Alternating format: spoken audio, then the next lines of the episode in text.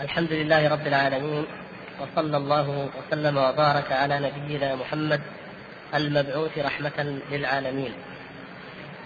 أما بعد أيها الإخوة الكرام فكما تعلمون أننا قد أكملنا في الحلقة الماضية الحديث عن الفقرة الثالثة والأربعين والرابعة والأربعين وابتدأنا في الفقرة الخامسة والأربعين والتي ما نزال فيها وبعض الإخوان شكوا أن الفقرة الخامسة والأربعين لم تتضح وربما يكون ما قبلها أيضا كذلك لكن هي بالذات لا شك أن فيها شيء من مما يصعب على الفهم. فنحن إن شاء الله سوف نعيدها لا سيما وأن المسجل كما ذكر الإخوان لم يسجل ما كان في الحلقة الماضية. سنعيدها إن شاء الله. أظن الثالثة والأربعين والرابعة والأربعين لا إشكال فيها. لكن الخامسة والأربعين إن شاء الله. ما أدري حتى الأسئلة ما سجلت. طيب نعيد الخامسة والأربعين إن شاء الله. تفضل.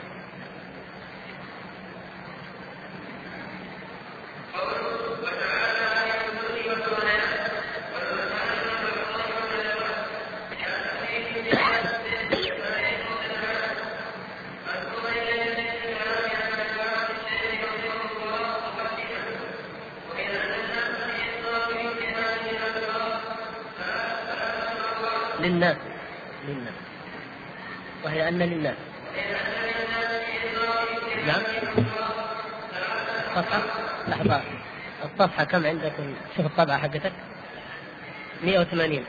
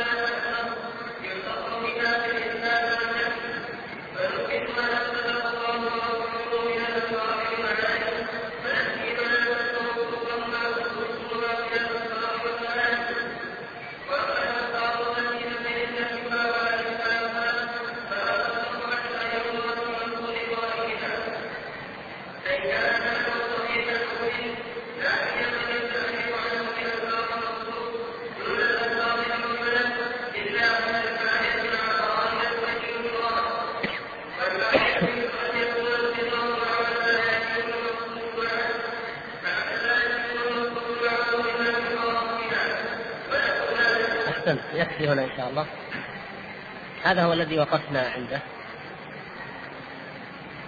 المقصود من كلام الشارح رحمه الله هو إيضاح قضية وقاعدة من القواعد المهمة التي ينبغي لطالب العلم أن يعرفها والتي قد سبقت الإشارة إليها مرات لأنها كثيرا ما يرد ما يدعو إلى الإشارة إليها أو إلى ذكرها وهي ما يتعلق باستخدام الألفاظ أو الإطلاقات التي تطلق في حق الله سبحانه وتعالى. ما الذي نستخدم؟ ما الذي نستعمل من الألفاظ في حق الله سبحانه وتعالى؟ عندما نصف الله عز وجل ما هي الألفاظ التي نستخدمها؟ لأن الناس كما تعلمون كل أحد يعبر عن المعنى الذي يريده باللفظ. والناس كما تعلمون متفاوتون في المعاني. وقد يتفق الكثير من الناس على معنى واحد في أنفسهم لكن يتفاوتون عن التعبير عنه بماذا؟ بالألفاظ. مثل أي حادثه من الحوادث لو لو وقع أمر من الأمور أمام مجموعة من الناس وأخذت هؤلاء الناس واحدا واحدا وسألتهم لوجدت هذا عبر بتعبير مختلف عن هذا وهذا أبلغ وهذا أدق في الوقت وهذا أقل والجميع يعبرون عن شيء واحد رأوه فما بالكم بالتعبير عن معاني غيبية لا تدرك بالحواس. فإذا لم يترك الأمر لاختيار البشر أو إلى الرأي الذي يراه الإنسان أنه ينزه به الله عز وجل أو يصفه به أو لا يرى أن لا ينزهه مثلا. فانما إنما كان الأمر كما هو مذهب أهل السنة والجماعة امرا توقيفيا لا نصف الله عز وجل إلا بما وصف به نفسه. وما يجوز الاشتقاق نشتق لكن المقصود هنا الآن هو ماذا؟ هو هذه الألفاظ التي يستخدمها المتكلمون والفلاسفة والتي وقع في ذلك الإمام الماتن صاحب المتن أبو جعفر الطحاوي رحمه الله فإنه استخدم هذه العبارات وهي ما في هذه الفقرة حين قال وتعالى عن الحدود والغايات والأركان والأعضاء والأدوات لا تحويه الجهات الست كسائر المبتدعات أو كسائر المبدعات. فهو اذا استخدم عبارات نفى عن الله عز وجل آه، شيء امورا لم يرد نفيها في الكتاب ولا في السنة. فما هو موقف الناس العلماء السلف وغيرهم ما موقفهم من أمثال هذه العبارات؟ يقول الشيخ هنا أن الناس لهم في إطلاق مثل هذه الألفاظ ثلاثة أقوال. طائفة فيها بإطلاق. يعني تقول نحن لا نستخدم هذه العبارات وننفي هذه العبارات نهائيا أو ننفي ما دلت عليه هذه العبارات. هكذا بإطلاق. وطائفة تثبتها. يقول لا نحن نثبت هذه العبارات أو نثبت نفيها سواء كانت سلبا أو ايجابا نثبتها لأن المراد بها معنى حسن.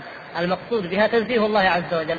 فلماذا ننفيها؟ والآخرون طبعا يقولون المقصود منها أنها تحتمل معنى غير لائق بالله عز وجل فلماذا نثبتها؟ فهما قولان متقابلان متناقضان. وطائفة تفصل وهم أتباع السلف. طائفة فرقة ثالثة تقول لا هذه العبارات المستحدثة الجديدة نحن نفصل لا ننفي بإطلاق ولا نثبت. بإطلاق بل نفصل في ذلك. ومن عمدة هؤلاء ومن أولهم الإمام أحمد رحمه الله تعالى.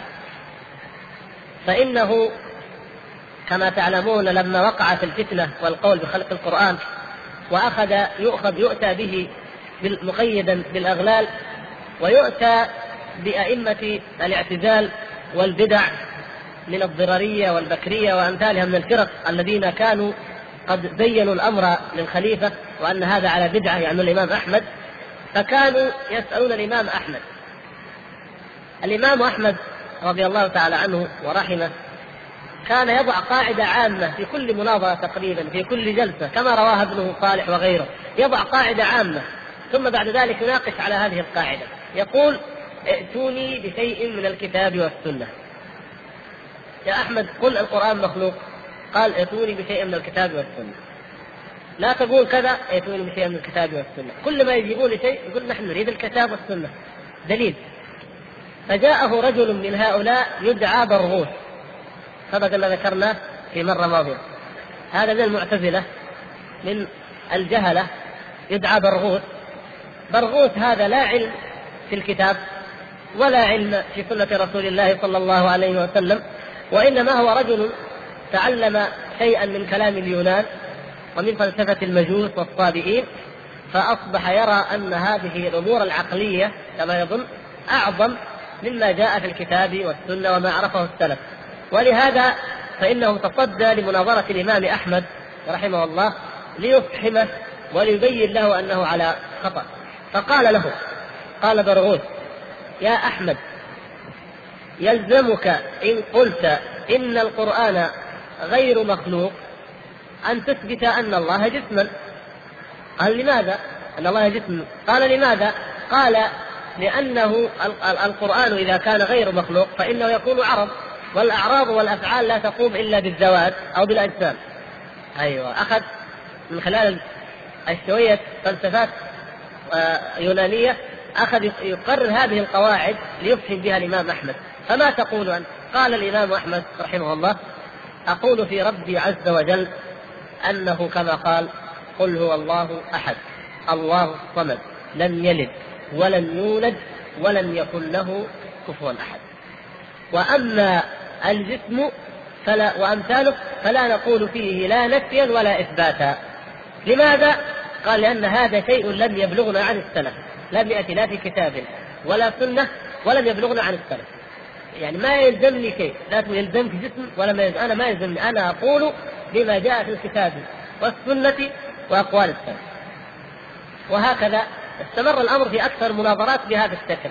فهذه كانت قاعدة عظيمة أرساها الإمام أحمد رحمه الله وهو أخذها عن من قبله من العلماء ونقلوها لنا وهي أننا في كل الألفاظ المحدثة المعاني أو الألفاظ الجديدة التي تحتها معاني محدثة فإننا لا ننفي ولا نثبت إلا ما جاء في الكتاب أو السنة أو أقوال السلف وهذا هو الذي نستخدمه.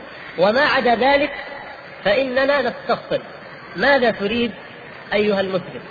ماذا تريد أيها الناس؟ فإن ذكر معنى حقا. إذا قال أنا أريد بنفسي الحدود بنفسي الغاية بنفسي الجهة بنفسي كذا أن أنزه الله سبحانه وتعالى. أنا أنزهه مثلا عن الحلول عن الحركة عن أقصد تنزيه الله سبحانه وتعالى عن أن يشابه المخلوقات. قلنا المراد طيب هدفك طيب أنك تنزه الله هذا هدف طيب. ولكن العبارة خطأ. عبارتك خطأ. فعليك أن تنزه الله بما نزه الله تعالى به نفسه أو نزهه به رسوله صلى الله عليه وسلم. ولا ولا تتعدى ذلك ولا تخرج عنه. وإن قال أنا أقصد بنفي الانتقال ونفي الحركة مثلا أن الله لا ينزل إلى سماء الدنيا في الثلث الأخير من كل ليلة. قلنا لا أخطأت. هذا كلام أهل البدع. ينفون الحديث يردون الحديث الصحيح الثابت المتواتر بأمثال هذه الجدليات العقليات التي لا أصل لها من الشرع. إذا لا إذا أنت لفظك مبتدع ومعناك مبتدع فنرد اللفظ ونرد المعنى معا. وهكذا هناك عبارات كثيرة تجدونها في كتب الكلام جميعا. أي كتاب من كتب الكلام تجدون هذه العبارات فيه. أي واحد تجالسه من أصحاب العقيدة العقائد البدعية أشعرية اعتزالية أيا كانت فإنك لابد أن تجد هذه العبارات عنده. ويمكن أن تسأله أي واحد منهم ممكن أن تسأله السؤال البسيط جدا الذي سأله النبي صلى الله عليه وسلم لمن؟ الجارية. الجارية أمة سوداء حبشية لا تعرف شيئا لا تكاد تفهم شيء من الدين. فلهذا معاوية بن الحكم السلمي رضي الله تعالى عنه لما كان على أمه نذر نذرت أمه أن تعتق رقبة مؤمنة. يقول فكانت له هذه الجارية الحبشية ترعى الغنم له. جارية عند معاوية ترعى الغنم. فعاد الذئب على الغنم فأخذ منها شاة. يقول معاوية رضي الله تعالى عنه وأنا بشر آسف كما يأسف البشر. مع أنه صحابي رضي الله تعالى عنه لكن حتى الصحابة بشر مثلنا يتأسف. فهو غضب وتألم كيف تذهب هذه الشاة؟ كيف تتركين الذئب يأخذ هذه الشاة أيتها الجارية؟ قال فصككتها صكة فندم. ضربها تلك الضربة فندم. فقال ما المخرج؟ أمي عليها نذر عتق رقبة مؤمنة. فلم لا أعتق هذه الجارية؟ أحسن إليها مقابل أنني ضربتها. انظروا انظروا خلق الصحابة رضوان الله تعالى عليهم. هذه الأخلاق التي عندما نقول عقيدة الصحابة أو أخلاق الصحابة وإمام الصحابة لا نعني به مجرد الفهم النظري بل نعني التخلق بأخلاقهم في كل شيء. استشعر الظلم كيف ضربتها. ويريد أن يكفر عن هذه هذه الضربة أو اللطمة بالعتق بأن يعتقها. فيكون قد أرضى أمه وأعتق عنها ووفى بنذرها ويكون قد أحسن إلى هذه المسكينة. لكن قال ما ندري. ما ندري هذه تجزي ولا لا تجزي. لأنها عجمية لا تكاد تفهم شيء لا تفهم لغة عربية لا تفهم شيء. والإسلام كما تعلمون ذلك الوقت يدخل فيها اليوم واحد بكرة يدخل واحد الناس يدخلون في الإسلام. فهذه المرأة لا يدري ما حقيقة إيمانها يمكن ما تجزي. فأخذ الجارية الأعجمية هذه وذهب بها إلى رسول الله صلى الله عليه وسلم. وشرح له القصة يا رسول الله إن أمي عليها عتق رقبة وإن هذه الجارية ترعى لي الغنم وإن الذئب قد عدا بالغنم فأخذ منها شاة وأنا بشر كالبشر آسف كما يأسفون فصككتها صكة فهل تجزئ في العتق؟ حديث صحيح رواه آه، مسلم في صحيحه رواه الإمام أحمد في أكثر من موضع من المسند رواه أيضا كثير من العلماء بخلاف ذلك ولا شك في صحة هذا الحديث فقال النبي صلى الله عليه وسلم الآن الآن ما هو الموضوع؟ ما هو المراد؟ المراد أن نرى هذه الجارية أهي مؤمنة أم غير مؤمنة؟ هنا في كلمة أيضا يعني هل معنى مؤمنة أنها في درجة عالية من الإيمان يعني نرى منزلتها من الإيمان ولا إيش نرى؟ نرى هل هي مسلمة المقصود هنا إيش؟ مسلمة عتق رقبة مؤمنة المقصود رقبة مسلمة يعني مؤمن موحد يؤدي الصلوات ليس المقصود درجة الإيمان أنه لا يجزي رقبة إلا الذي جاءت صفاته في الإيمان. إنما المؤمنون الذين إذا ذكر الله وجلت قلوبهم وإذا تليت عليهم آياته زادتهم إيمانا. لا ما هو هذا المقصود؟ المقصود مسلمة كن مسلمة على درجة تكفي لأن تدخل في, في هذه الملة في عداد المسلمين في أهل القبلة. ما هي تاركة الصلاة؟ ما عندها شرك ترتكبه؟ مثل هذا. فالنبي صلى الله عليه وسلم سألها أوضح سؤالين هذا هو الشاهد. أوضح سؤالين في العقيدة. أوضح شيء ممكن تسأله أي واحد. يعني لو جيت واحد مر بدوي أو أو ساذج أو عامي جدا جدا تسأله من هو محمد؟ أو من رسول الله؟ يقول لك محمد يا أخي ما في نقاش. محمد رسول الله صلى الله عليه وسلم. فقال لها أين الله؟ فقالت في السماء. وأشارت باصبعها قالت في السماء. أنا هذا السؤال الأول أجابت عليه بنجاح. السؤال الثاني قال من أنا؟ من أنا؟ قالت أنت رسول الله. قال اعتقها فإنها مؤمنة. يعني مسلمة. هذه من هذه الأمة مسلمة. ما هو ما هو المقصود يشهد لها بالإيمان المقصود إيش؟ يحكم بإجزائها في العتق. هذا هو. أن عتقها يجزئ لأنها من هذه الأمة من المسلمين. فسألها أين الله وسألها من أنا. إذا من أعظم معرفة الله عز وجل أن يعرف كونه سبحانه وتعالى فوق المخلوقات. طيب. نرجع لموضوعنا لما يقولوا هذول الناس إيش يقولوا؟ قالوا وهو تعالى يتنزه عن المكان والزمان والجهة والأين. أو يقال بلا أين ولا متى. ويذكرون في ذلك حديثا أثرا مكذوبا موضوعا. على أمير المؤمنين علي بن أبي طالب رضي الله تعالى عنه افتروه عليه. يقولون أنه سأله رجل أين الله؟ فقال لا يقال لمن أين الأين أين. يعني كأنه معناه لا يقال لمن جعل المكان خلق المكان الذي هو أين وجعله أينا أيا الأين لا يقال له أين. يعني لا يسأل عن الله بالأين. فكثير من الناس يظن أن من تنزيه الله أنك لا تسأل عنه بأين. إذا قلت أين الله يقول أستغفر الله يا شيخ؟ أنت تقول أن الله في جهة تقول أن الله محصور تقول أن الله كذا. أنا ما قلت محصور ولا قلت في جهة. هذا سؤال سأله رسول الله صلى الله عليه وسلم. فهل أحد أعلم من الله أعلم بالله من رسوله صلى الله عليه وسلم؟ لا ما يمكن. طيب فنقول اذا هو فوق المخلوقات. نضيف إلى ذلك عبارات من عندنا. بلا مماسة ولا محاسة ولا انتقال ولا حركة. نقول لا لا. هذا هو الذي نحن نقول هو سبحانه وتعالى في السماء أي في العلو في السماء أي في العلو فوق المخلوقات كما أخبر يخافون ربهم من فوقهم إليه يصعد الكلم الطيب. وهكذا في حديث الإسراء لما عرج بالنبي صلى الله عليه وسلم إلى أن كان في ذلك المقام العظيم الذي يأتي إن شاء الله تعالى شرحه عما قريب.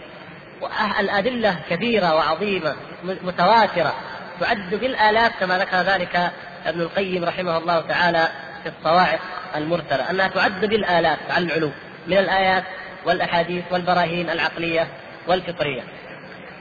فإذا هذا الذي هذا هو المقصود. يقول يقول الشيخ آه، في تعليل لماذا نستفصل ونتبين من القائل بهذه العبارات البدعية؟ يقول لأن المتأخرين قد صارت هذه الألفاظ في اصطلاحهم فيها إجمال وإبهام كغيرها من الألفاظ الاصطلاحية فليس كلهم يستعملها في نفس معناها اللغوي. ليس كل المتكلمين يأتي بهذه العبارات في نفس المعنى اللغوي. هذا مع أن المعاني اللغوية تتفاوت. لو أحلنا الأمر إلى مجرد اللغة وهذه شبهة أيضا يجب أن نتنبه لها ما دمنا في موضوع الحديث عن الألفاظ. يقول بعض الناس القرآن نزل بلسان عربي مبين ولغة العرب معروفة. فإذا أردنا أن نفهم القرآن في الصفات أو في غيرها فلنرجع لغة العرب. نقول هذا الكلام بإطلاق خطأ. لماذا؟ لأن مجرد الإحالة إلى اللغة إحالة إلى أوجه إلى احتمالات لا ضابط لها. العرب لغة العرب أوسع اللغات يقال إن للأسد خمسمائة اسم وللشمس كذلك. خمسمائة أو ثلاثمائة. وهكذا كثير من الأشياء فلغة واسعة. فإذا قلنا نفهم القرآن كما في لغة العرب نجد الكلمة القرآنية أو النبوية لها عدة معاني في لغة العرب. إذا كيف نفهم القرآن؟ نقول نرجع إلى فهم النبي صلى الله عليه وسلم أو إلى تفسير النبي صلى الله عليه وسلم وإلى فهم الصحابة وإلى فهم السلف الصالح. فإذا فهم السلف الصالح سواء كان ذلك فهما خاصا تناقلوه من عند أنفسهم أو عن عن مرفوع عن أثر مرفوع إلى النبي صلى الله عليه وسلم. فالفهم الذي فهموه نحن لا نتعداه لأن عندهم اللغة وزيادة. أليس كذلك؟ هم الحجة في اللغة لأنهم افصح العرب. النبي صلى الله عليه وسلم وأصحابه هم افصح العرب. فهم عندهم لغة العرب وعندهم زيادة وهي ماذا؟ وهي الوحي. الذي علمهم الله إياه وعلمهم النبي صلى الله عليه وسلم فعندهم اللغة والزيادة فلا نعدل عن أي معنى أو كلام لفظ أو تعبير يفسرونه أو يقولونه أو يطلقونه لا نعدل عنه إلى أي معنى آخر وإن كان ذلك المعنى واردا وصحيحا وروده في لغة العرب. لاحظتم هذه القاعدة إن شاء الله؟ يقول ولهذا كان النفاة ينفون بها حقا وباطلا. يعني يرد على الطائفة التي تنفيها نرد على الطائفة التي تنفي هذه الألفاظ بأنكم أيها النفاة تنفون بها حقا وباطلا. يعني لما واحد يقول أنا أنفي عن الله أنفي عن الله الأعضاء والجهة. تجي واحد يقول نحن ننفي هذا النفي ننفي هذه العبارات ننفي هذا النفي. فيكون نفى حقا ونفى باطلا في نفس الوقت لأنه يحتمل.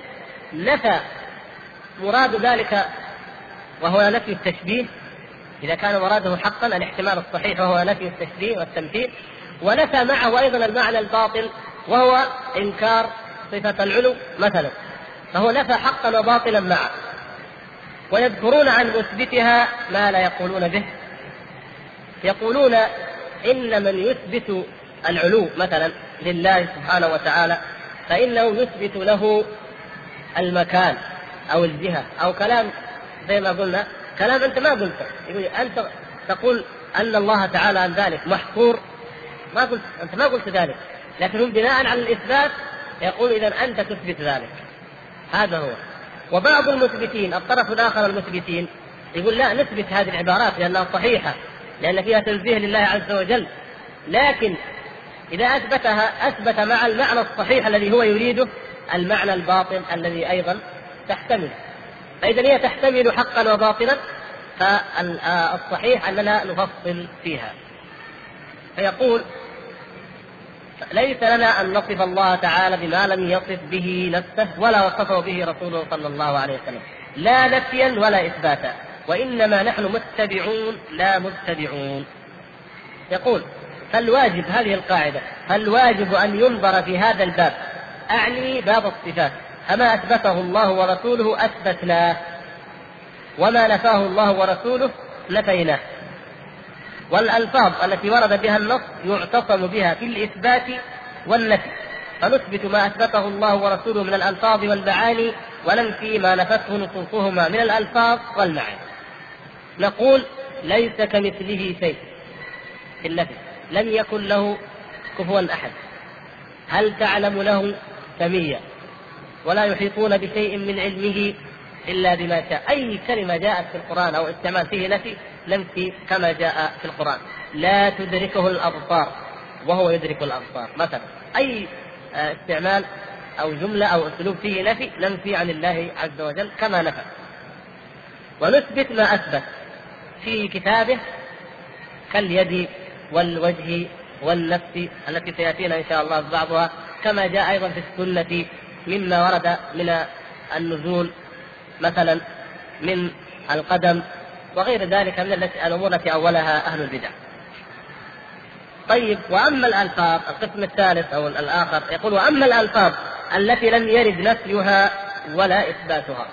مثل ما قلنا عبارات مثلا كلمة الجسم الجهة لا تحل به الحوادث. يقول تنزه تعالى عن الحوادث. لا تحل به الحوادث. عبارة إيه؟ نفي الحركة نفي الانتقال. آه قولهم لا تتغير أحواله. كلمات الناس يستخدموها من عندهم يمكن يكون قصد بعضهم التنزيه لا تتغير أحواله. قصده نزه الله. لكن لو تجد تجد بعض الناس يفهم منها إيه؟ أنه لا يغضب ولا يرضى. طيب هل الغضب والرضا ثابت لله عز وجل أم لا؟ ثابت. إذا كيف نقول لا تتغير أحواله ونقصد بها أنه لا يغضب ولا يرضى؟ هنا خطأ. وأمثال ذلك العبارات التي يستعملها أهل البدع. فيقول لا تطلق حتى ينظر في مقصود قائلها. فإن كان معنى صحيحا قبل نقبل المعنى لكن ينبغي التعبير عنه بألفاظ النصوص. ينبغي أن يعبر عنه بما ورد دون الألفاظ المجملة. إلا عند الحاجة. مع قرائن تبين المراد. والحاجة بين ذلك قال والحاجة مثل أن يكون الخطاب مع من لا يتم المقصود معه إن لم يخاطب بها. إذا فيكم شيء من التفصيل في هذا انظروا منهاج السنة. الجزء الأول صفحة 258 ذكر شيخ الإسلام قصة الإمام أحمد مع برغوث وذكر استخدام كلمة الجسم وذكر القاعدة في أمثال هذه الألفاظ. ومنها نقل الشيخ هنا رحمه الله قريب من كلامه. واحد 258 منهاج السنة النبوية في الرد آه، في نقد كلام الشيعة القدرية أو القدرية الذي رد به على الرافضي الحلي. مثل ماذا؟ الحاجة رجل أعجمي لا يفهم من لغة العرب شيء نريد أن نعلمه ما يعرف به ربه عز وجل ما يعرف من لغة العرب ولا كلمة ونحن نريد أن نعلمه. لا بد أن نعلمه بلغته بما يفهم. فنحن هنا في هذه الحالة سوف نترجم له المعنى بلغته. وبلا شك أن المعنى الذي في اللغة الأردية أو اليابانية أو الإنجليزية أن هذا المعنى يستخدم في حق المخلوقين طبعا لأنهم هناك يستخدمون ذلك. وقد ينصرف ذهنه إلى أننا نصف الله بما يتصف به المخلوق. لكن نحن نبين هذا معنى مع قرائن. نأتي بقرينة تبين المراد. نوضح أن هذه المعنى هذا الكلام نحن نشرحه أو نعبر لك عن الكلمة العربية التي وردت وردت هذه الكلمة ولا يصح ورود غيرها. لكن نحن لكي نشرح لك المعنى فنبين لك أنه مقصود كذا وكذا. مثلا. نقول له ما معنى مثلا قل هو الله أحد الله الصمد ما معنى ذلك؟ ما معنى ليس كمثله شيء؟ نبينها له بلغته. لكن نقول له الأصل أن الإنسان يستخدم ماذا؟ اللغة العربية. لكن حتى هو لو شرحها لغيره يشرحها لهم مع القرائن لأنه أي لفظ نحن نستخدمه في حق المخلوق فإنه في حق الله سبحانه وتعالى غير ذلك. لكن المعنى المقصود هو أن نفي أن يكون لله تعالى مثيل. نفي التشبيه وهكذا.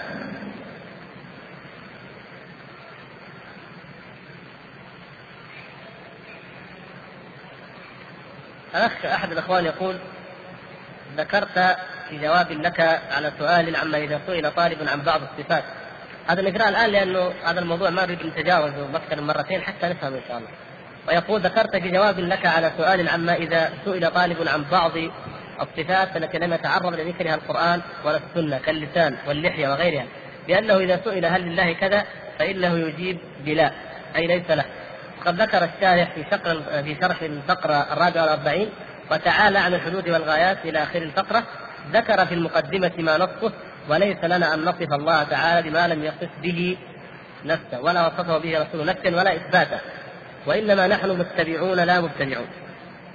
فقوله فليس لنا أن نصف إلى آخر قوله نفيا ولا إثباتا يدل على أن المسؤول إذا أجاب مثلا ليس لله لسان أنه قد نفى ما لم ينفه الله عن نفسه وخالف كلام الشارح في قوله ليس لنا ثم قوله نفيا أو إثباتا.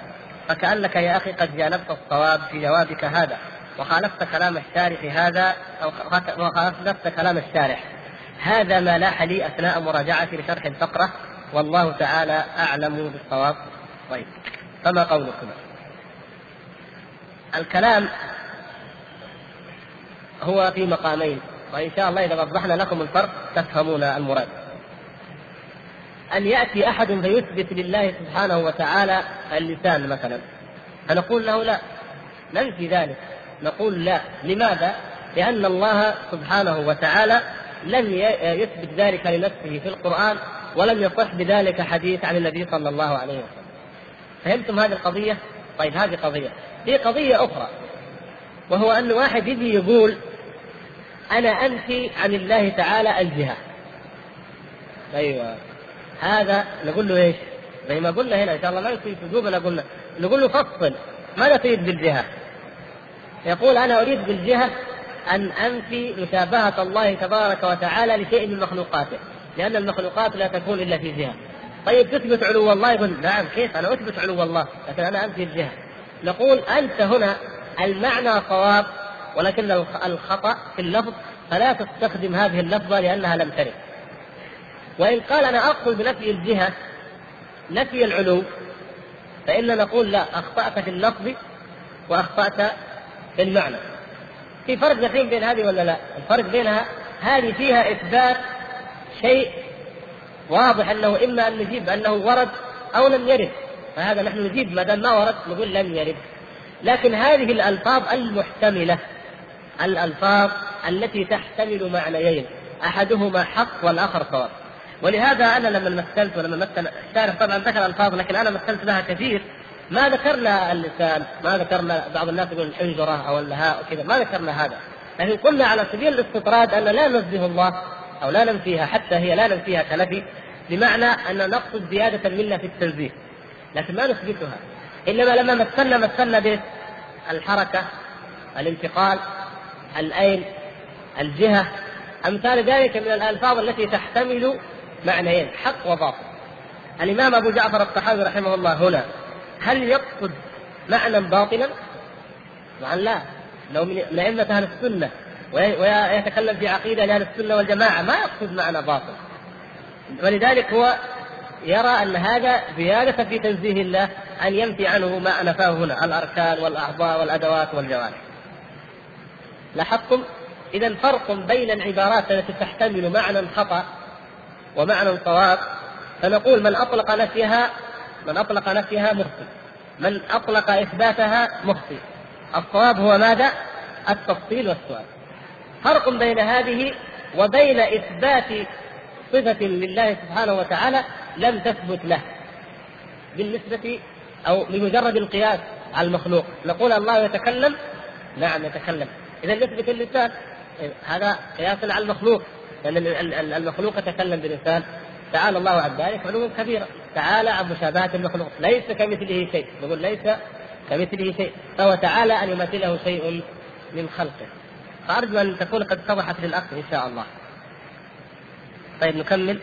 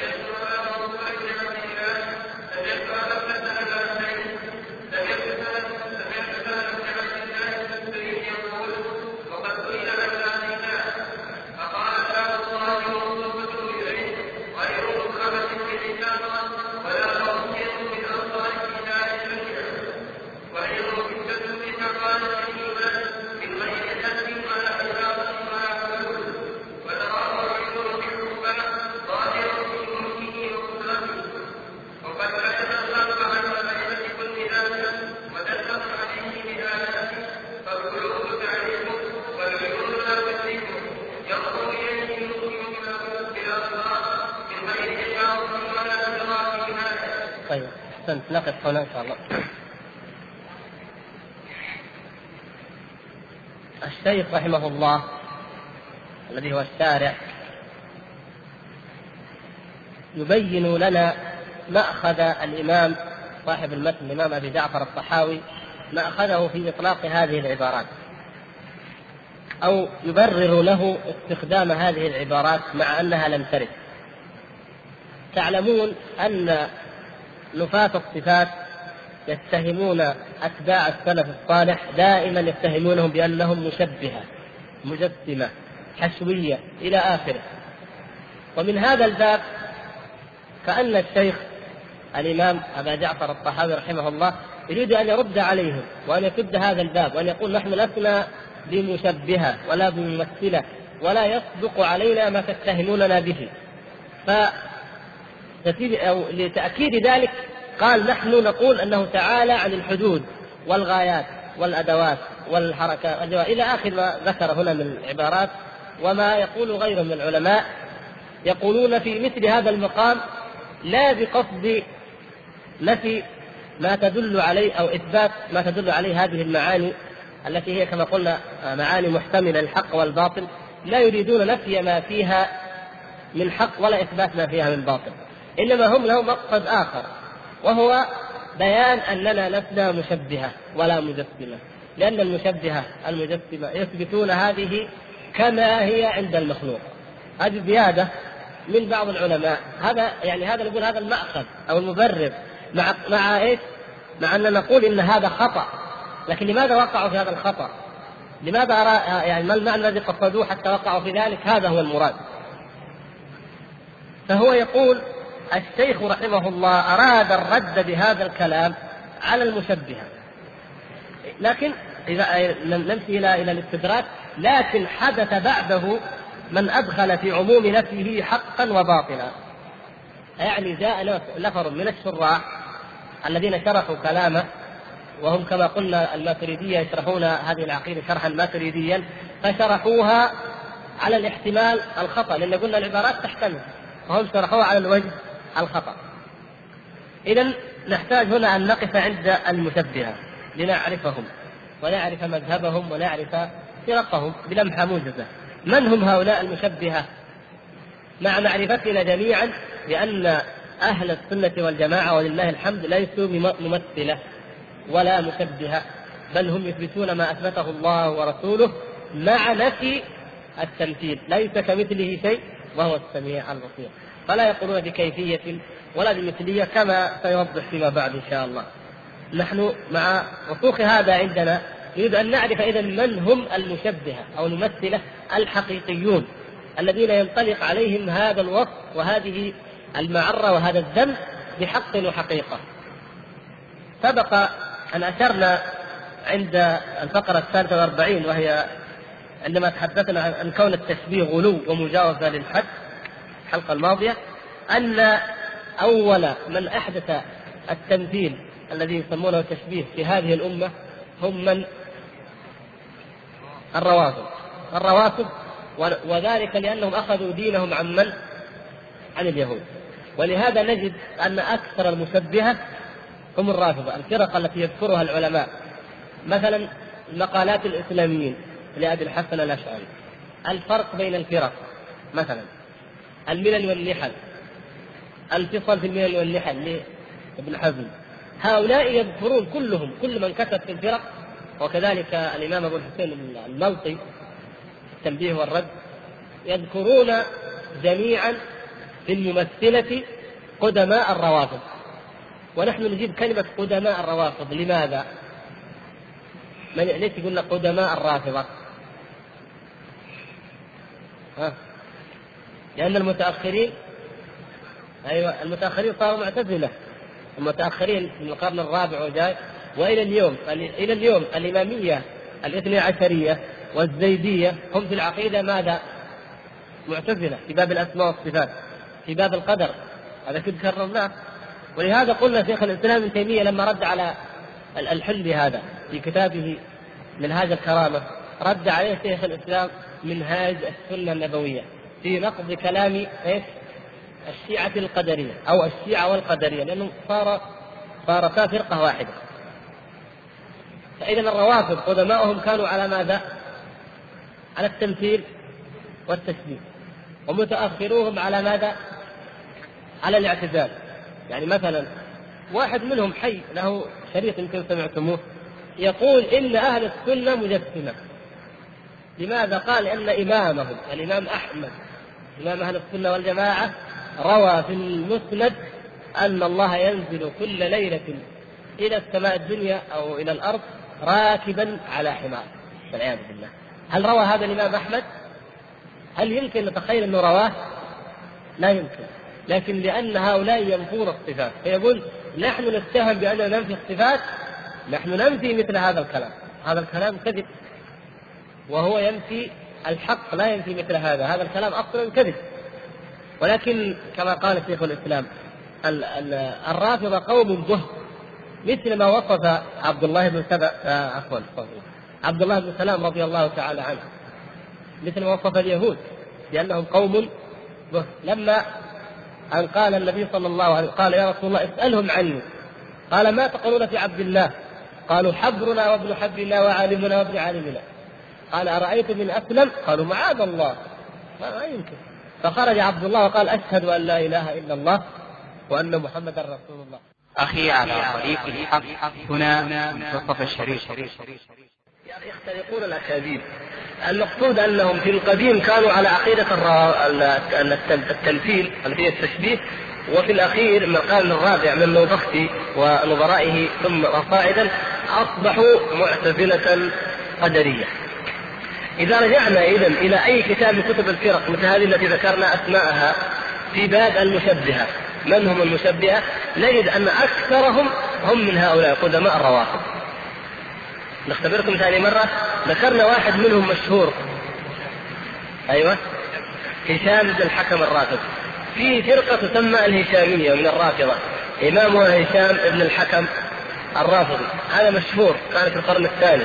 مشهور بأنه يشبه الله سبحانه وتعالى بخلقه. تعالى الله عن ذلك علوا كبيرا هذا من قدمائهم فرقته تسمى الهشامية. يعني يقول المشبهة من أقسامهم الروافض. والروافض فرق. فرق. من من أقسام الروافض المشهور عنها هذا المذهب الهشامية. فرقة أخرى البيانية. نسبة إلى البيان بيان ابن سمعان التميمي. اذا الهشامية هذه البيانية كذلك يمثلون ويشبهون الله سبحانه وتعالى بخلقه. عندنا فرقة تسمى المغيرية. نسبة إلى المغيرة بن سعيد العجلي من بني عجل. هذا الرجل كان أيضا يقول إن ربه أو معبوده مثل الإنسان له أعضاء وله جوارح ويد وعين كالإنسان يشبهه بالمخلوقات. وبعضهم يذكر طوله وعرضه وارتفاعه وكأنه تعالى الله عن ذلك علوا كبيرا هم لا يتكلمون عن الله عن معبود لهم يسمونه الله. اذا يعني هذه مثل هذه الفرق وغيرها من فرق الروافض هذه هي أول من استخدمت واشتهر عنها التمثيل والتشبيه.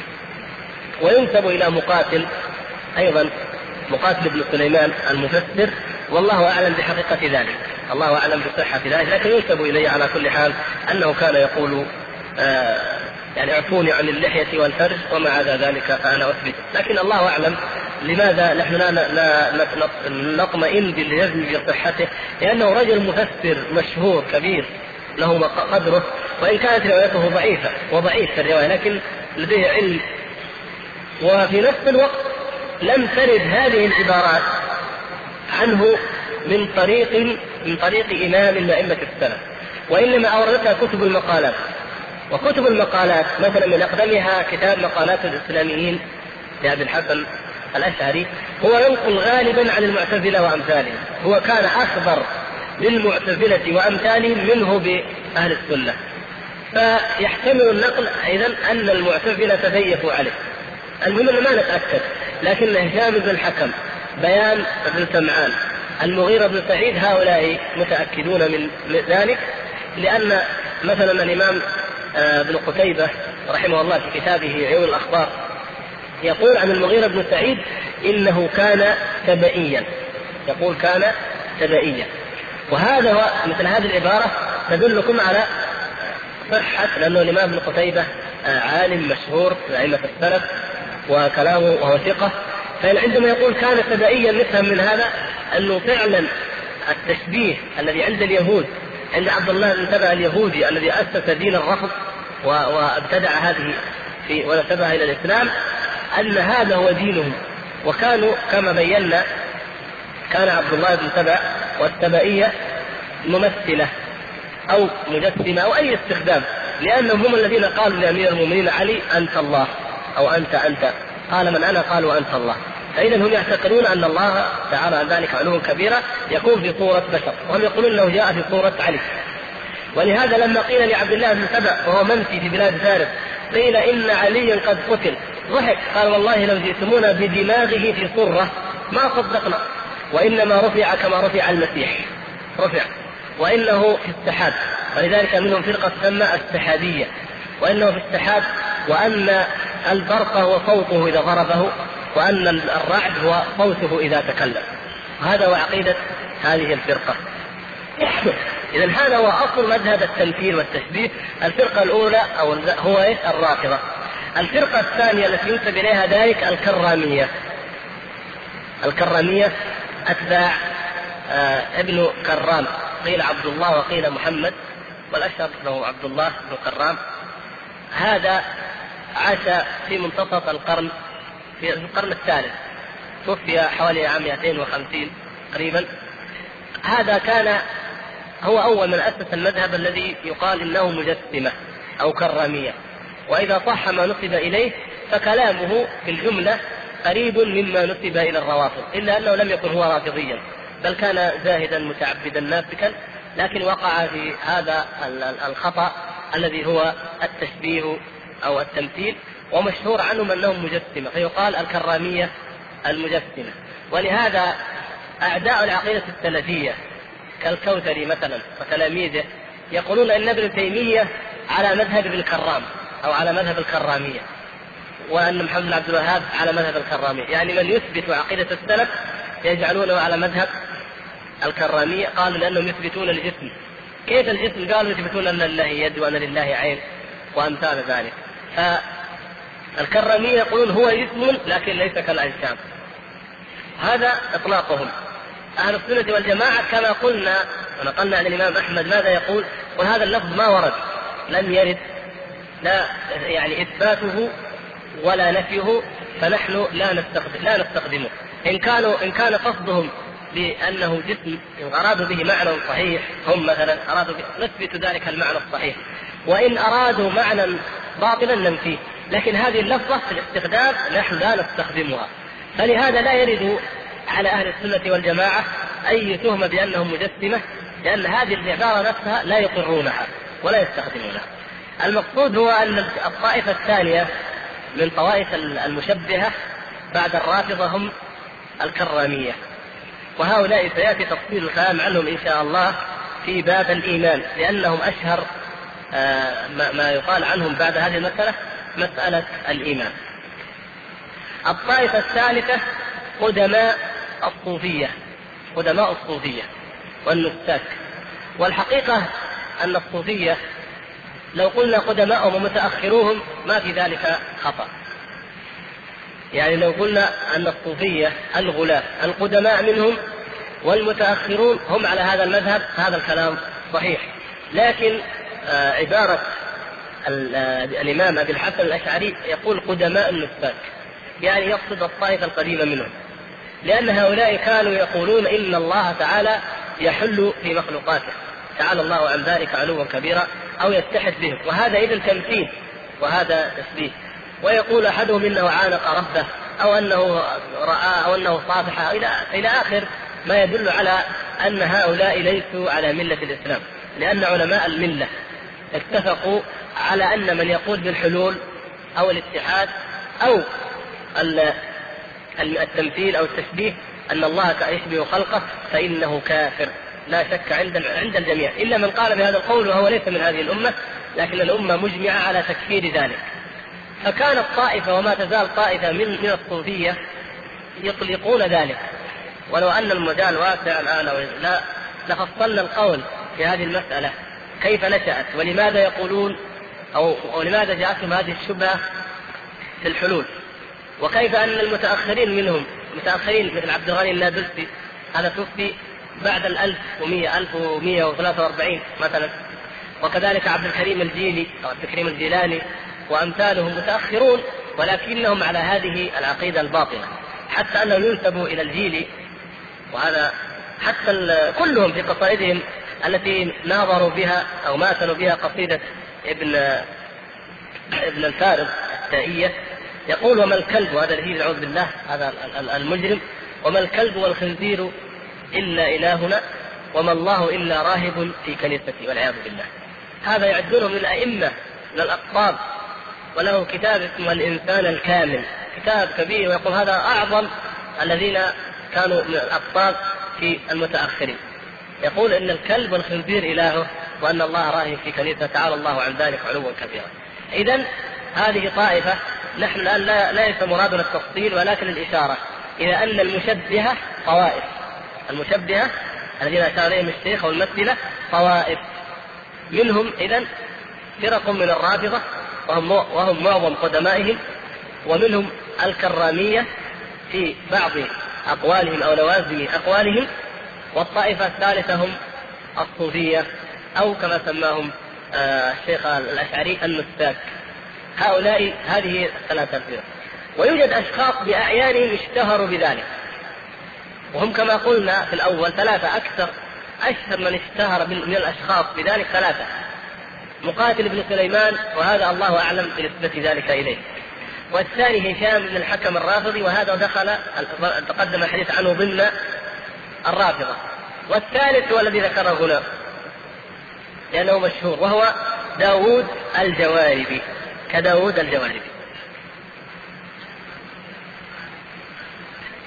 نعم؟ مين؟ عبد الغني النابلسي نعم أيوه.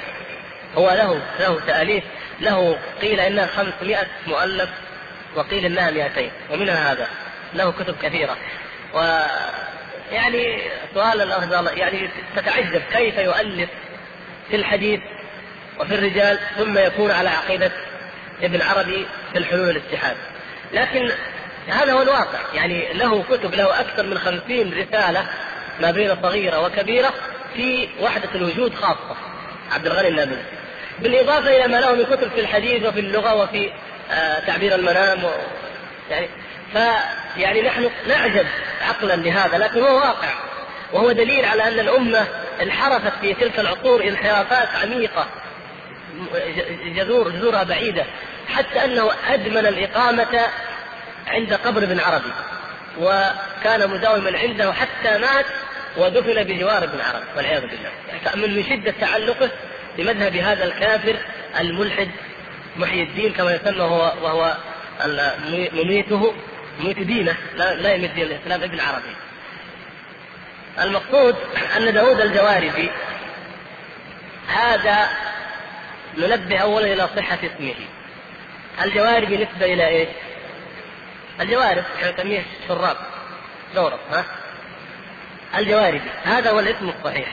إذا وجدتم داود الحواري كما قال هنا في الفرق أو الجواري في منهاج السنة تجدونه في المطبع مكتوب داود الجواهري. برضه فهو لا هو جواهري ولا هو جواري ولا حواري وإنما هو الجواربي نسبة إلى الجوارب. آه، إذا أردتم ترجمته تجدونها في اللسان لسان الميزان. الجزء الثاني صفحة 427 طبعا اللسان هو فيه الميزان وزيادة. الميزان اثنين الجزء الثاني صفحة اثنين وثلاثين. الذهبي رحمه الله قال في الميزان داود الجواربي رأس في الرافضة والتجسيم. أو رأس في الرفض في الرفض والتجسيم. إذا داود على شاكلة من؟ هشام ابن الحكم. رفض وتمثيل وتشبيه. جمع بينهما. آه الإمام المعروف المحدث الثقة يزيد بن هارون رحمه الله يقول نقل عنه الذهبي يقول الجواربي والمريسي كافران. بشر بن غياث المريسي أو المريسي قال الجواربي والمريسي كافران. ثم ذكر مثلا كما يقول عنه ثم ضرب مثلا لداود. داود هذا كان مدينة واصل مدينة بنيت في جنوب العراق. يقول يزيد بن هارون إنما مثله داود الجواربي هذا كما أنما هو رجل كانوا آه، طائفة كانوا في سفينة فعبروا جسر واسط عبروا جسر واسط فسقطوا في البحر في النهر يعني. فخرج وكان معهم داود راكب معهم. فخرج شيطان من البحر فقال أنا داود الجوارب يعني هو ما يقصد إنه هذا يعني يقول إنه هذه حقيقته هو, هو طاح طاحت بهم السفينة وكان فيها داود ثم خرج. بعد فترة وإذا داود يجيب هذه البدع يجيب هذا الضلال من فين جابها؟ قال يزيد بن هارون وهو من الأئمة الثقات المشهورين. قال هذا داود الجواربي غرق مات. مات. بس هذا شيطان تصور في صورته وخرج ليضل الناس ويقول أنا داود الجواربي يعني إيش المقصود هو المثال. لذلك يقول الذهبي رحمه ضرب مثلا. يعني ما هو الحقيقة لكن لما لما رأوا إنه من بعد ما وقعت له هذه الواقعة أصبح يهدي بهذه الأقوال الضالة. فيقول إن ربه إن معبوده جسم جثة أعضاء إلى آخر ما ذكره عنه العلماء. وممن ذكر عنه ذلك ابن حزم في الملل والنحل وكذلك البغدادي في الفرق بين الفرق. وأيضا ذكره في مقالات الإسلاميين. وما ذكرنا ما أشرنا إليه في, في اللسان. وفي الميزان. هم ذكروا آه طبعا في اللسان ذكر كلام ابن حزم وهو موجود. نقلوا عنه هذا المذهب. هذا الرجل الخبيث نقلوا عنه هذا المذهب الخبيث. تعالى الله عما يقول الظالمون علوا كبيرا. فأنا إذا نعيد العبارة من أولها. والشيخ رحمه الله أراد الرد بهذا الكلام على المشبهة أي على الأصناف التي ذكرناها الآن وعرفتموها. إلى أن يقول فالمعنى الذي أراده الشيخ رحمه الله من النفي الذي ذكره هنا حق. المعنى الذي أراده الشيخ حق كما ذكرنا ووضحنا. ولكن حدث بعده لكن حدث بعده من أدخل في عموم نفيه حقا وباطلا. فيحتاج إلى بيان أو فيحتاج إلى بيان ذلك وهو أن السلف نبدأ نقطة نقطة. بيان؟ بيان كلمة الحد. قال الإمام الطحاوي وتعالى عن الحدود والغايات. نأخذها إذا كلمة كلمة. فنبين ذلك. أولا الحد. السلف يقول إن السلف متفقون على أن البشر لا يعلمون لله حدا وأنهم لا يحجون شيئا من صفاته. قال أبو داود الطيالسي كان سفيان وشعبة وحماد بن زيد وحماد بن سلمة وشريك وأبو عوانة لا يحجون ولا يشبهون. لا يحجون أو لا لا يحجون ولا يشبهون ولا يمثلون. يروون الحديث ولا يقولون كيف. وإذا سئلوا قالوا بالأثر. القضية هنا الإشكال البسيط عندنا هنا هو نسبة هذا القول إلى أبي داود الطيالسي. هو الشيخ لم يشر لم يشر أين ذكره. ولا ذكر ذلك أيضا الشيخ المحقق. وأنا ما استطعت أنني أجد في أي كتاب ذكره أبو داود الطيالسي لكن الكلام مع بقاء الموضوع مفتوحا للبحث إن شاء الله. لكن الكلام نفسه أن سفيان وشعبة وحماد وهؤلاء الأئمة لا يشبهون ولا يمثلون ولا يحدون وأمثال هذه العبارات هذا موجود بكثرة. موجود ومنقول. ونعطيكم أو أشمل مرجع في ذلك هو كتاب شيخ الإسلام ابن تيمية رحمه الله المسمى الحموية الكبرى. الحموية الكبرى.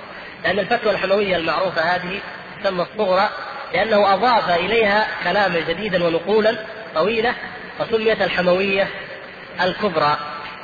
هذه موجودة في أول الجزء الخامس المجلد الخامس من مجموع الفتاوى.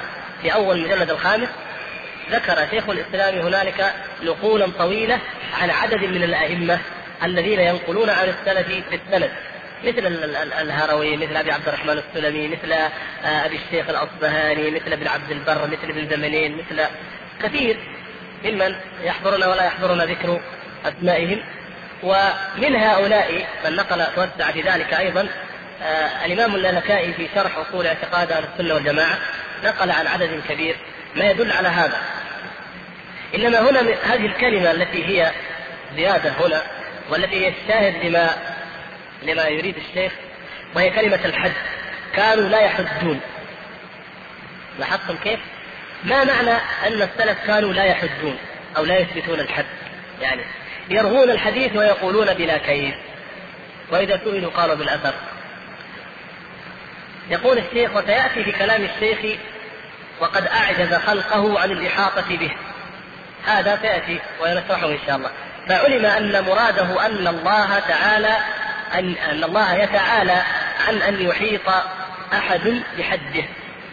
يعني يقول إن مراد الشارع في نفي الحد عن الله أن الله تعالى سبحانه يتعالى أن يحيط أحد بحده.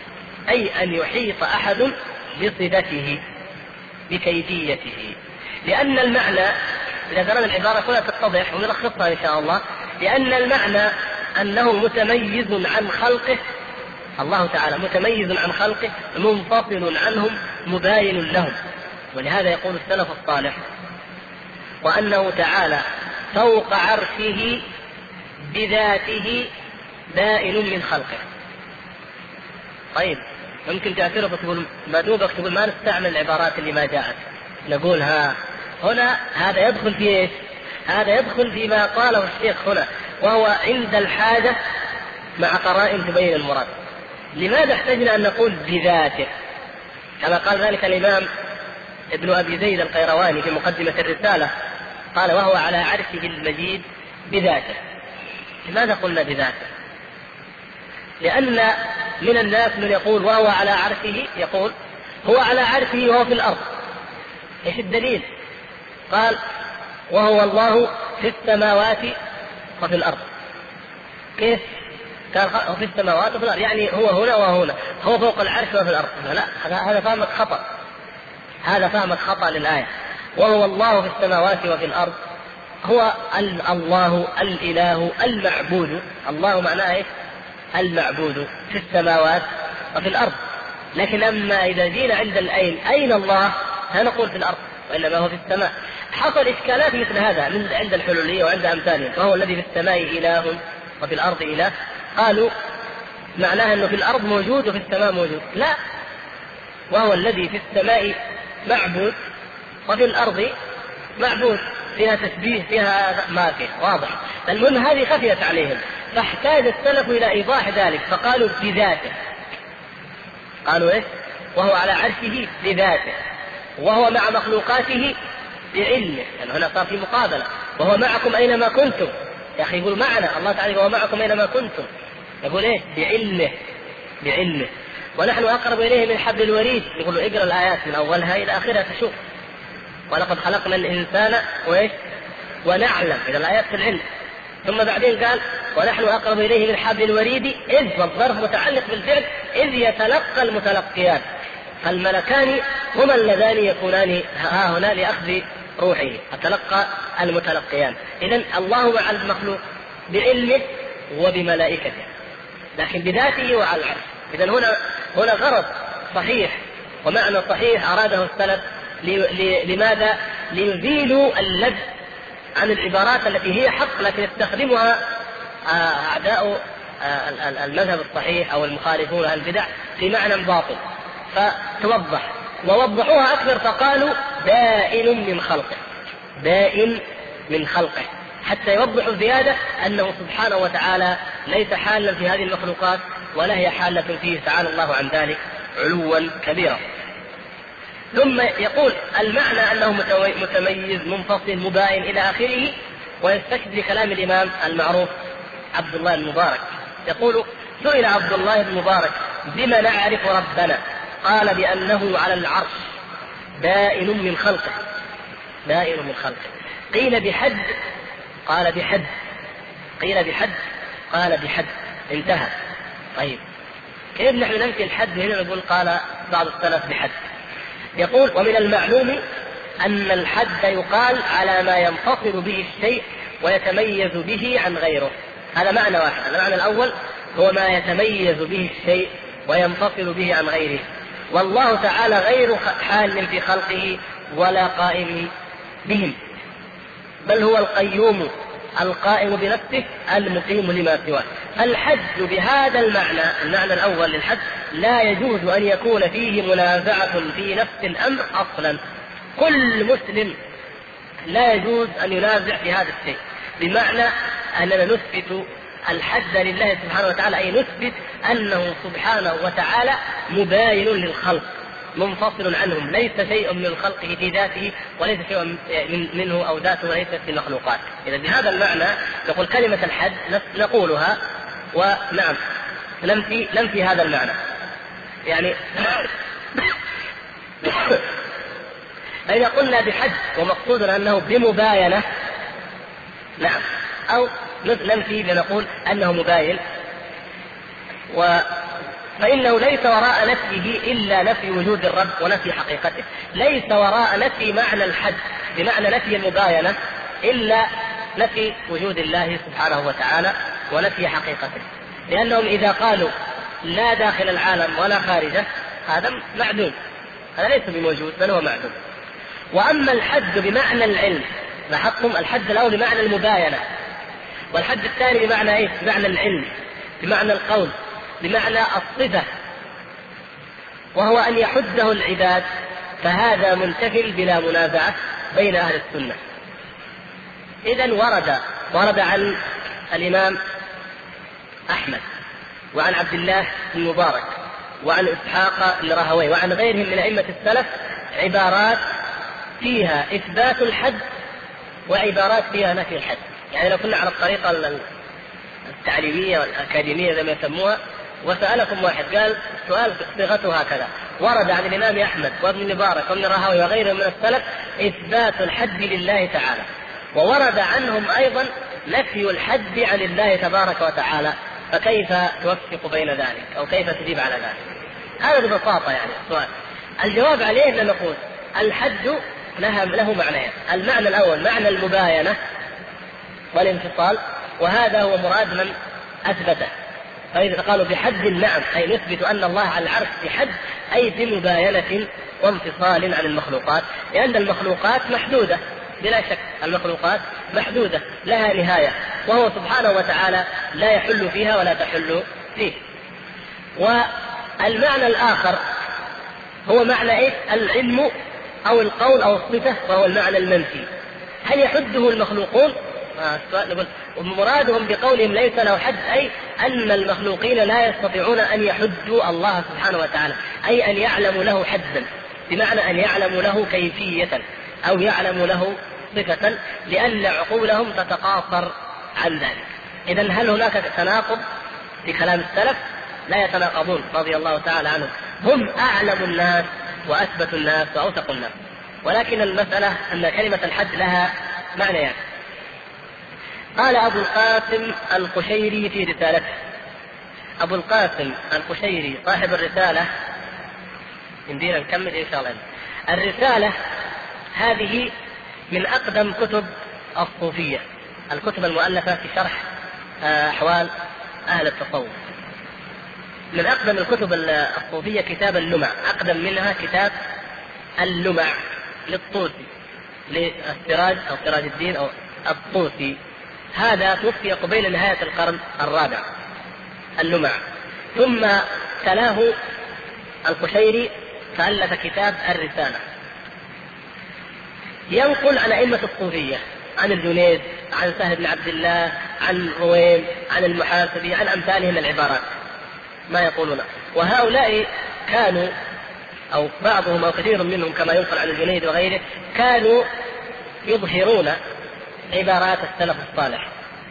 يظهرون عبارات السلف الصالح في الأسماء والصفات لأنهم كانوا ينتسبون إلى أهل الحديث إما حقيقة وإما ادعاء والله تعالى أعلم بالبواطن لكن كان منهم من ينتسب إلى أهل الحديث وإلى أهل السنة إلى الحنابلة يعني يقول نحن حنابلة نحن على مثل الإمام أحمد في العقيدة ولكن نحن مش نهتم بالتربية بالتربية وبالتزكية وبالأذكار وبالأوراد لكن في باب الصفات نحن في في على عقيدة الإمام أحمد.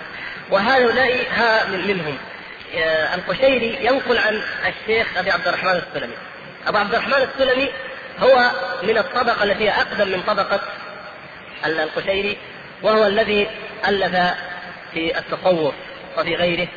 هو رجل من الناحية الحديثية رجل وضاع وكذاب وضاع ولكن عند الصوفية إمام جليل معتبر لا يدانيه برتبته عندهم إلا قليل وهو ناقل هو ينقل بالسند عن أئمة التصوف نحن ما نأخذ منه الأحاديث لكن نقوله عن أئمة الصوفية قد تنقل على أنه رجل من الصوفية يكتب عنهم وله من الكتب المطبوعة مثلا كتاب الملامية أو الملامتية. يقول سمعت أبو منصور ما لا دخل فيه العنبري إلى إلى أن يصل إلى سهل بن عبد الله التستري وهو الإمام المتصوف المشهور. يقول وقد سئل عن ذات الله فقال ذات الله موصوفة بالعلم غير مدركة بالإحاطة ولا مرئية بالأبصار في دار الدنيا وهي موجودة بحقائق الإيمان من غير حد ولا إحاطة ولا حلول. وتراه العيون في العقبى ظاهرا في ملكه وقدرته وقد حجب الخلق عن معرفة كنه ذاته ودلهم عليه بآياته فالقلوب فالقلوب تعرفه والعيون لا تدركه. ينظر إليه المؤمن بالأبصار يعني يوم القيامة من غير إحاطة ولا إدراك نهاية. هذا الكلام يسوقه القشيري لغرض ويسوقه الشارح هنا لغرض. القشيري يسوق هذا الكلام ليدلل على أن أئمة التصوف هم في العقيدة على مذهب السلف. هذا هو مقصوده. ويقول هؤلاء مثل ما نقل عن السلف من العبارات هم ينقلون. ولذلك تجدون هذه العبارات أن ذات الله تعالى موصوفة بالعلم. يعني نصفها بالعلم. مو مقصود يعني مجرد إثبات صفة العلم لله. لا لكن توصف بالعلم أي نحن نعتقد في الله عز وجل صفات من خلال العلم يعني من خلال ما يردنا في الكتاب أو في السنة وليست بالرأي وإنما يوصف الله بالعلم يعني بالدليل. والله أعلم هذا الظاهر يعني العبارة. غير مدركة بالإحاطة ولا مرئية بالأبصار في دار الدنيا. كلام طيب نأخذ من معاني القرآن. وهي موجودة بحقائق الإيمان يعني وجودها ثابت بحقائق الإيمان في القلب. من غير حد من غير حد. ولا إحاطة ولا حلول سهل يريد أن يقول نحن معاشر الصوفية وأئمة الصوفية نحن لسنا حلولية ولا اتحادية. فهو ومشايخه وطبقتهم ومن قبلهم كالجنيد والمحاسبي وامثاله نحن على مذهب أهل السنة ونحن نصف الله بهذا الشيء. وينقل ذلك القشيري عنه لهذا الغرض. الشارع ينقل هذا الكلام لغرض إيش؟ ليقول لك إن السلف ورد عنهم الحد إثبات الحد وورد عنهم نفي هذا يعني هذا هو المقصود. نحن قلنا إنه يوجد يوجد نقول غير هذا. يعني نحن لسنا في حاجة إلى هذا النقل. والكلام حق. نعم ورد عن السلف إثبات الحد وورد عنهم نفي الحد.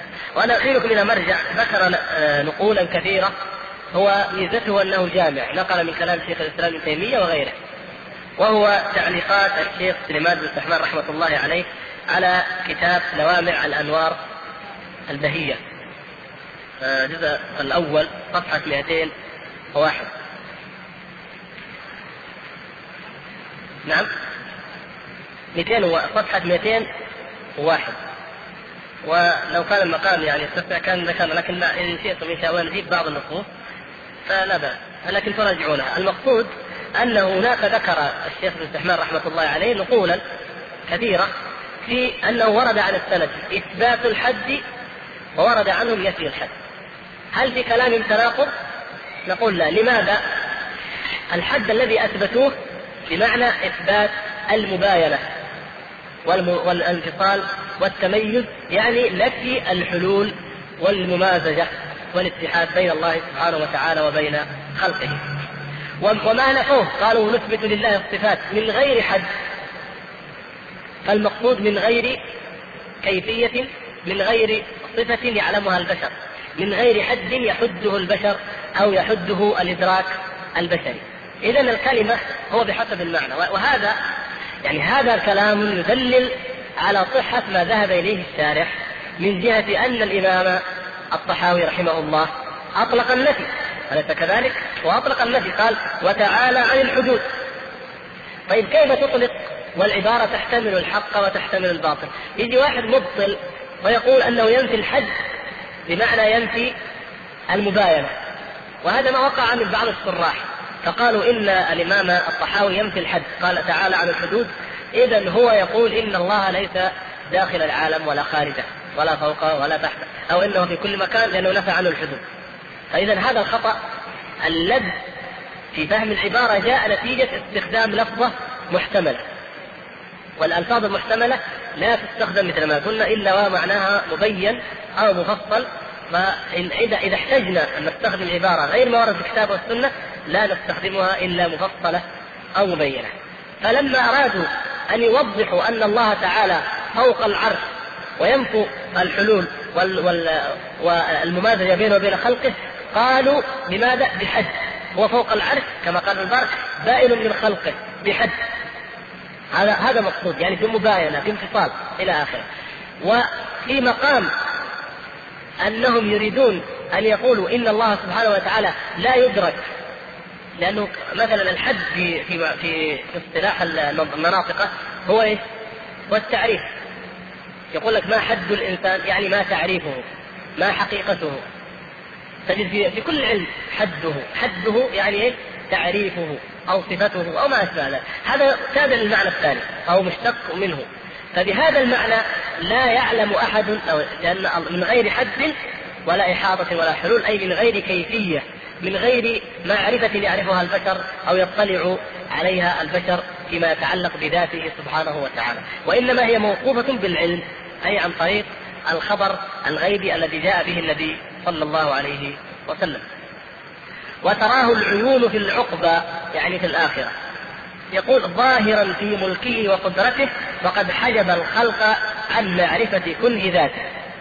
أيضا معاني آه، صحيحة وردت في الكتاب وفي السنة. يريد أن يقول نحن على هذا المذهب الصحيح وهو أن الله سبحانه وتعالى الأدلة الشاهدة عليه في ملكه وفي قدرته ظاهرة أما ذاته سبحانه وتعالى فقد حجبها وحجب الخلق عن معرفتها يقول حجب الخلق عن معرفة كل ذاته ودلهم عليه بآياته الليل والنهار وكافة المخلوقات.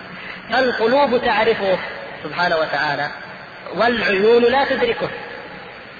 ثم قال ينظر إليه المؤمن أو المؤمنون بالأبصار يعني في العقبة تراه العيون في العقبة كما قال من غير إحاطة ولا إدراك نهاية. كما قال عز وجل لا تدركه الأبصار وهو يدرك الأبصار. فكأنه يشرح هذه المعاني القرآنية الصحيحة هذه الآيات يشرحها ويعبر عنها